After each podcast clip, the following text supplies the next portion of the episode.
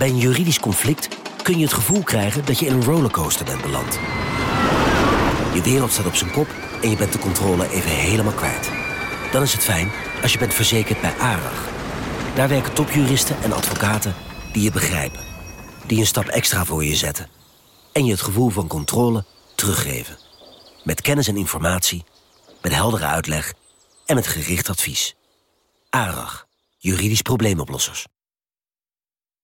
Wie reist met NS, reist net even anders. Wij reizen groen, zonder moeite te doen. Oh, zo kan je dus ook een dagje weg. En wij werken in stilte. In stilte? Nou ja, met oortjes dan. Oh. Zo gaan we iedere dag vooruit. Wij allemaal.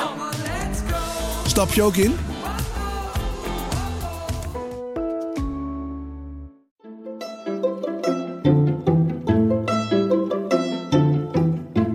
Welkom.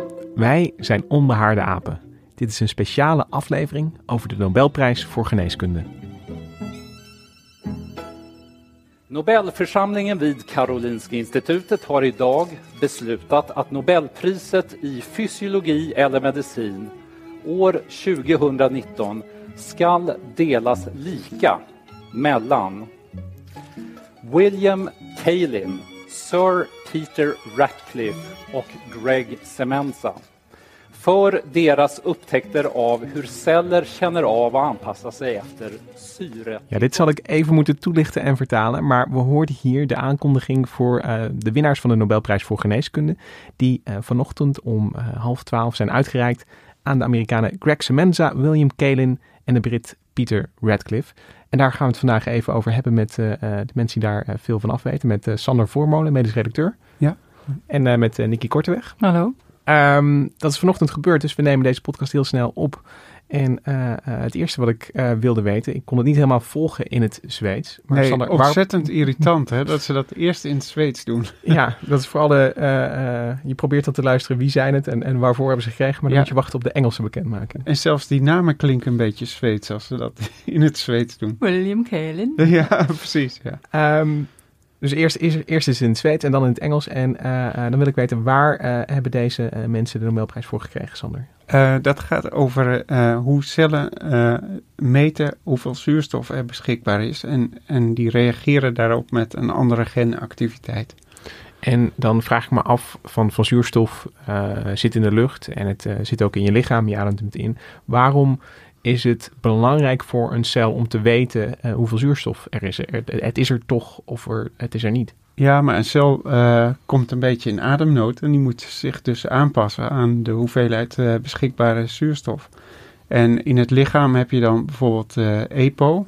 Dat is een, een stof, een hormoon dat de rode bloedcel aanmaak reguleert.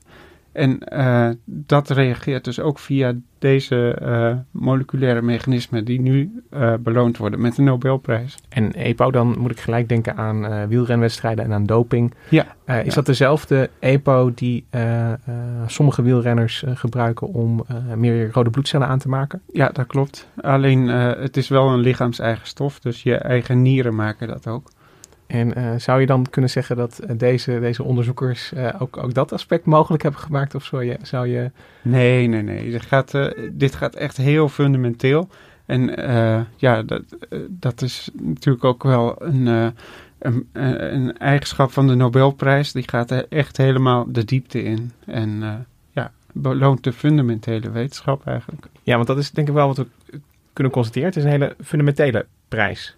Ja, dit jaar wel. De Nobelprijs wisselt, uh, wisselt daar een beetje in. Het ene jaar is het wat toegepast dan het andere jaar. En dat, ja, dat, ik vond het zelf wel uh, mooi dat ze nu echt zo'n heel fundamenteel onderzoek hebben beloond. Um, ja, want het gaat echt, je ziet die onderzoekers een soort uh, verwonderd door het moleculaire landschap wandelen en, en zien dat er een gen is en hoe werkt dat dan en, en welke transcriptiefactor hoort er dan bij en uh, ja, die, dat hele pakket, dat hele bouwsel, wat ze in de loop van de jaren, sinds de jaren negentig zijn ze al mee bezig, wat ze daar hebben opgebouwd, dat wordt nu dan beloond. Want zo, zo, zo moet ik het wel een beetje zien dat ze een soort uh, uh, moleculaire puzzel hebben uitgedokterd. Ja, een enorme puzzel. Ja, ik geloof dat er wel 3000 geen dingen bij betrokken zijn met het hele zuurstofregulatie. En je hele lichaam heeft zuurstof nodig, alle cellen hebben dat nodig. Dat was een belangrijke ontdekking dat dit in alle cellen aanwezig is. Uh, maar het hangt ook weer samen met allerlei andere processen. Het is echt een heel, heel cruciaal uh, iets van de biologie. Ja, en ja. Uh, als, je, als je er dan gaat kijken, Sander, want, want ik, ik kan me voorstellen dat jij als, als, als medisch redacteur, je hebt uh, vast wel eens van zuurstoftekorten uh, en zo gehoord. Maar alle, en van EPO ook wel. Maar er komen nog veel meer moleculen en eiwitten komen er dan voorbij. Ken je die dan ook allemaal al? Of, of moet je er dan echt even induiken? Voor Een beetje dat... vaag kende ik ze van naam. ik moest er wel helemaal induiken, ja. En ja, dat is natuurlijk ook het lastige van uh, wetenschapsredacteur zijn. Ineens moet je over een, een totaal onbekend onderwerp ineens alles weten. Dus dat, dat is wel uh, lastig om je daar snel op uh, in te lezen. Ja. ja. En, dan, dan uh, hebben deze drie mensen, en ik, ik noem ze nog een keertje. Eentje was een Sir, viel me op, Peter ja. Radcliffe. ja, de, dat is de Brit natuurlijk. Ja, ja. weet we ook waarvoor die geredderd is? Of? Nou ja, hij, is, hij heeft gewoon heel veel onderzoeksinstituten geleid, dus ik denk om die reden. Ja. ja. En dan hebben we ook nog William Kalen en Greg Semenza. die, ja, die gaan dan helemaal uitpuzzelen wat gebeurt er in een cel uh, uh, als, het, uh, als de zuurstof wegvalt. Ja. En ik kan me aan de ene kant voorstellen dat het, dat het sowieso goed is om, om dat te begrijpen. Want een cel zonder zuurstof, ja, die, die, die moet daar iets mee. niet. nee, maar dan is de, toch de tweede vraag. Want ik snap wel wat jij zegt, Nicky, dat het heel, heel mooi is om dan te begrijpen hoe dat op moleculair niveau werkt. Maar kunnen we daar ook iets mee met die kennis? Hebben we daar aan? Nou ja, wel een beetje begrip van hoe, hoe de dingen werken en hoe het uit de hand kan lopen ook. Want uh, bijvoorbeeld uh, die zuurstofregulatie heeft ook heel veel met kanker te maken en met uh, herstel van hartaanvallen. ja, dat, dat begrijpen we nu beter, maar het wil nog niet zeggen dat we nu een medicijn hebben dat volgens dit principe alles oplost en dat we hierdoor mensen kunnen genezen. Zover is het nog niet. Nee, en wat, uh, wat vaak het, uh, een beetje de zoektocht is volgens mij is dat je dan nou ja, die, die eiwitten identificeert en, en dan hoop je uiteindelijk ook dat je er iets mee kan doen. Ja. Dat je dat eiwit kan activeren of uitschakelen. Maar zover is het dus nog niet, als nee. ik jou begrijp. En dat is anders dan voorgaande jaren. Want we hadden, uh, vorig jaar hadden we die, die twee uh, kankermedicijnen. Dat waren antilichamen waarmee ze dus uh, patiënten konden, inderdaad konden behandelen. En dat was al veel praktischer. En, uh, en daarvoor hadden we, geloof ik, uh, die mevrouw die artemisine heeft uh, uitgevonden of ontdekt. En dat is een middel tegen malaria. Ja, dat was in 2015. Ja, ja, precies. Ja. Dus dat, dat vond ik eigenlijk ook wel jammer dat het nu weer zo fundamenteel was en niet, niet praktisch. Nee, dus daar proef ik een, een, lichte teleurstelling. Terwijl, terwijl Nicky, jij bent, jij bent juist wel gecharmeerd van zo'n fundamentele insteek. Ja, ik vind dat wel mooi dat je, dat je ziet hoe ontzettend veel werk dat is om dat helemaal uit te pluizen. En, um, ja, en dat, dat fundamenteel onderzoek ook weer eens gewoon goed beloond wordt. Ja, die, die spanning kwam ook heel mooi uh, terug. Of die spanning, uh, ja, een, een, mooie illustratie van, van deze, dit contrast tussen fundamenteel en toegepast onderzoek. in, een, in wat de Nobel, iemand van het Nobelprijscomité, Randall Johnson, zei op de vraag: wat heb je hier nou aan? Uh, how does this discovery affect people's lives? Well, it affects people's lives because it really will help us and, and is already helping people develop new medicines. For example, if you want to increase the levels of your red blood cells, this factor comes into play. And that, of course, makes sense because if you're at high altitude, you want more red blood cells to help you carry oxygen. If you have a, a, a an accident and you lose a bunch of blood, now there's not enough red blood cells to carry the oxygen. So you want a signal that tells your body make more red blood cells. And this is a fundamental part of that signal. It's the cellular aspect of it. als ik Johnson hier zo hoor, dan, uh, dan klinkt het alsof het wel allemaal al... Ja, uh, uh, hij loopt wel erg op de muziek vooruit, vind ik. Ja, en, um, maar is er, is er wel iets voor te zeggen dat, dat uh, uh, want, want, hij lijkt hier heel erg te verwijzen naar dat effect van, van EPO dat we kennen. Dat als ja. je dat, uh, Waarom zou je dan niet EPO geven Ja, dat hebben ja. we al. ja, dat hebben we al. Ja, ja. En, en, en het is dus zo dat, dat al, want EPO is dus één eiwit, maar ik, ik zat al net al een beetje naar het stuk te kijken wat jij in voorbereiding hebt voor, voor de kant van morgen, maar daar, daar komen nog veel meer eiwitten in bij. Er komt HIF komt daar voorbij. Ja, en, daar is het eigenlijk mee begonnen. Want uh, die Craig Samantha, die, die ontdekte dus op een gegeven moment dat, uh, dat er een eiwit was dat in de celkern aan het DNA bindt als er heel weinig zuurstof is. En dat ontdekte hij dus in EPO-producerende cellen. Maar later werd ontdekt dat het eigenlijk in alle cellen een rol speelt. En bij verschillende genen, wat Nicky net zei, duizenden genen zijn daarbij betrokken. Ja. Maar, dat, maar dat, uh, van dat EPO, dat weten we, van dat kun je aan iemand geven. En dan gaat hij meer rode bloedcellen maken. Maar zover is het dus ook nog niet. Nee. Met, met, met HIV heeft niet zo'n toepassing, dat HIF-eiwit. Nee, nee. Nee. En uh, nu wil ik toch even weten. Je, je hebt dus die, die drie winnaars. Die, uh, die krijgen best wel veel geld. Ze krijgen 900.000 Zweedse kronen. Ja. Bijna een miljoen euro, maar dan moeten ze dus door drie delen, neem ik aan. Ja, meestal, soms, uh, soms geven ze de prijsverdeling uh, mee uh, bij de Nobelprijs. En als ze daar niks over zeggen, denk ik dat ze het gewoon eerlijk moeten, ja. moeten verdelen. Dat zullen ze ook graag doen, denk ik. Want, ja, want ze, ze, zijn niet vijandig tegenover elkaar. Het zijn gewoon mensen die elkaars onderzoek zien en dan weer iets aan toevoegen. En dan weer de een uh, gaat weer verder op het werk van de ander. En zo gaan ze voort. Ja, en we kunnen ook even luisteren naar Greg Semenza, die, uh, een van de Nobelprijswinnaars, die uh, vertelt dat het ook niet, dat er niet sprake is van één groot Eureka-moment waarop alles in elkaar valt, maar dat het hard werk is. You know, it's not like there's eureka moments every day. It's you get one experiment to work, and that gives you a little piece of information, and, and you move on to the next one and build build on that. And many times, the hypothesis is wrong. So what we think the prediction is wrong. But it doesn't really matter because it's just a way to find out what is really the, the truth. En dat doet me een beetje denken aan wat jij zei, uh, Niki, dat het zo'n ontzettend geploeter is. Want uh, uh, ja, we, we lezen hier de samenvatting eigenlijk van hun werk, maar dat is dus van, van heel veel verschillende carrières, is dat uiteindelijk de uitkomst. Je zei al, ze, doen, ze deden hier al in de jaren negentig onderzoek naar. Ja. Uh, wat moet ik me voorstellen bij, uh, uh, bij dat soort geploeter? Zijn dat, zijn dat allemaal losse experimenten die je moet doen waar veel tijd overheen gaat?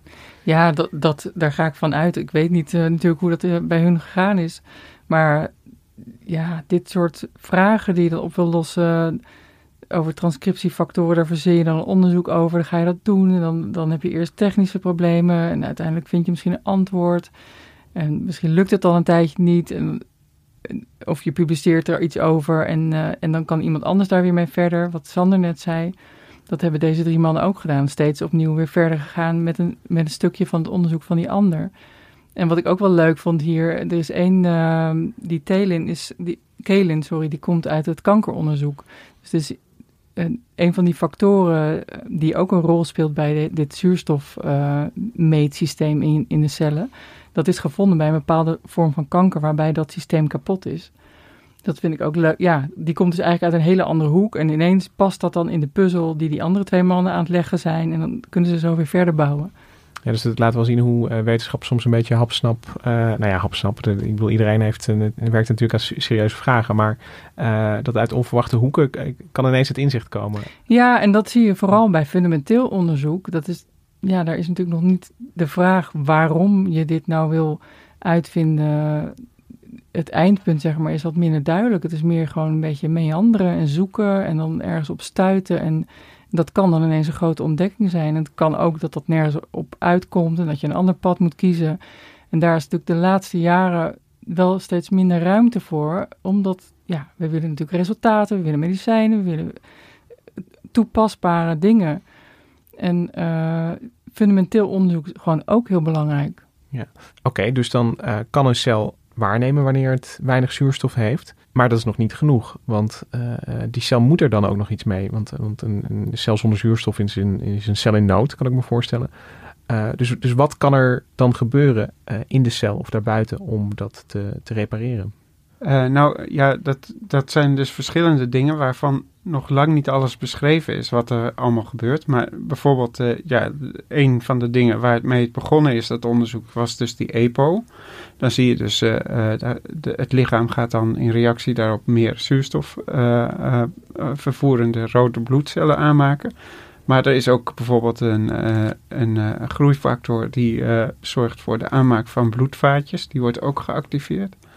En, en zo zijn er meer dingen. Dus het is eigenlijk ook zeg maar, uh, uh, het is een alarmsignaal als die zuurstof heel laag wordt. En de cel moet dan wat doen om te zorgen dat, dat er situatie wordt opgelost. Ja, en we weten dus nu hoe dat werkt. En, Ja. en of we dat nog ooit kunnen gaan benutten in een therapie of techniek, dat moeten we nog maar zien. Eh, tot slot is het misschien nog even aardig om even stil te staan bij eh, deze drie, drie wetenschappers en eh, hoe ze zelf terugblikken op. want de Nobelprijs is, geldt natuurlijk nog steeds toch als het hoogst haalbare in de wetenschap. Hoe ze terugblikken op hun carrière, op tot hoever, tot hoe het zover gekomen is. En hoe het misschien ook heel anders had kunnen lopen. En daarvoor kunnen we eerst luisteren naar Kalen, Semenza en tot slot Radcliffe. As a pre medical student, I floundered in a research laboratory on an independent study project that was uninteresting, unimportant, and as I would later show, undoable. Uh, my mentor rewarded me with a C plus and noted on my college transcript that Mr. Kalin appears to be a bright young man whose future lies outside the laboratory. So I, I was interested in genetics, uh, and then while I was an undergrad, uh, a family that we were uh, friends with had a child born with Down syndrome.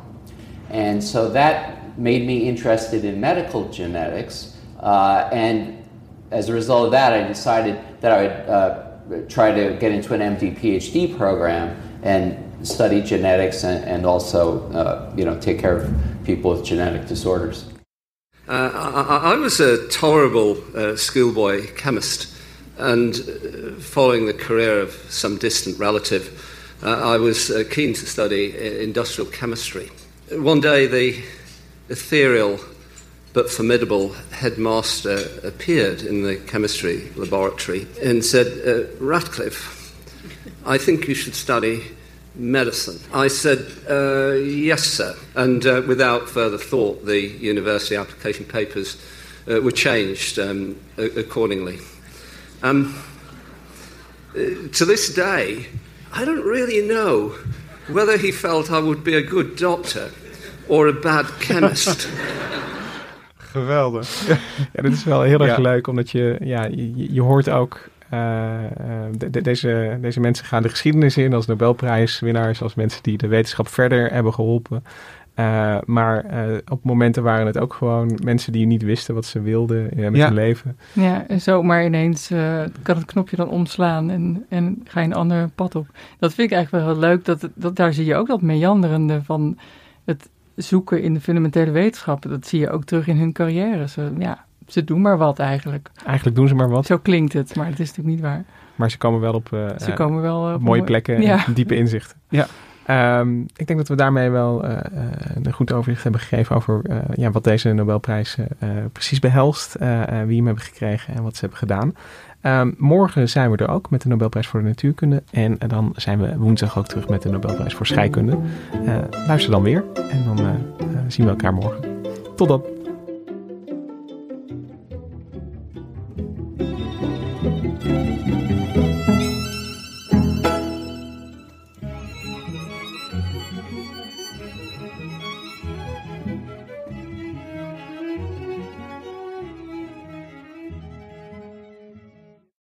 De financiële markten zijn veranderd, maar de toekomst, die staat vast. We zijn in transitie naar een klimaatneutrale economie. Dit biedt een van de grootste investeringskansen van onze generatie. Een kans voor u om mee te groeien met de pioniers van morgen. Meer weten? Ga naar carbonequity.com. Carbon Equity. Do good by investing better.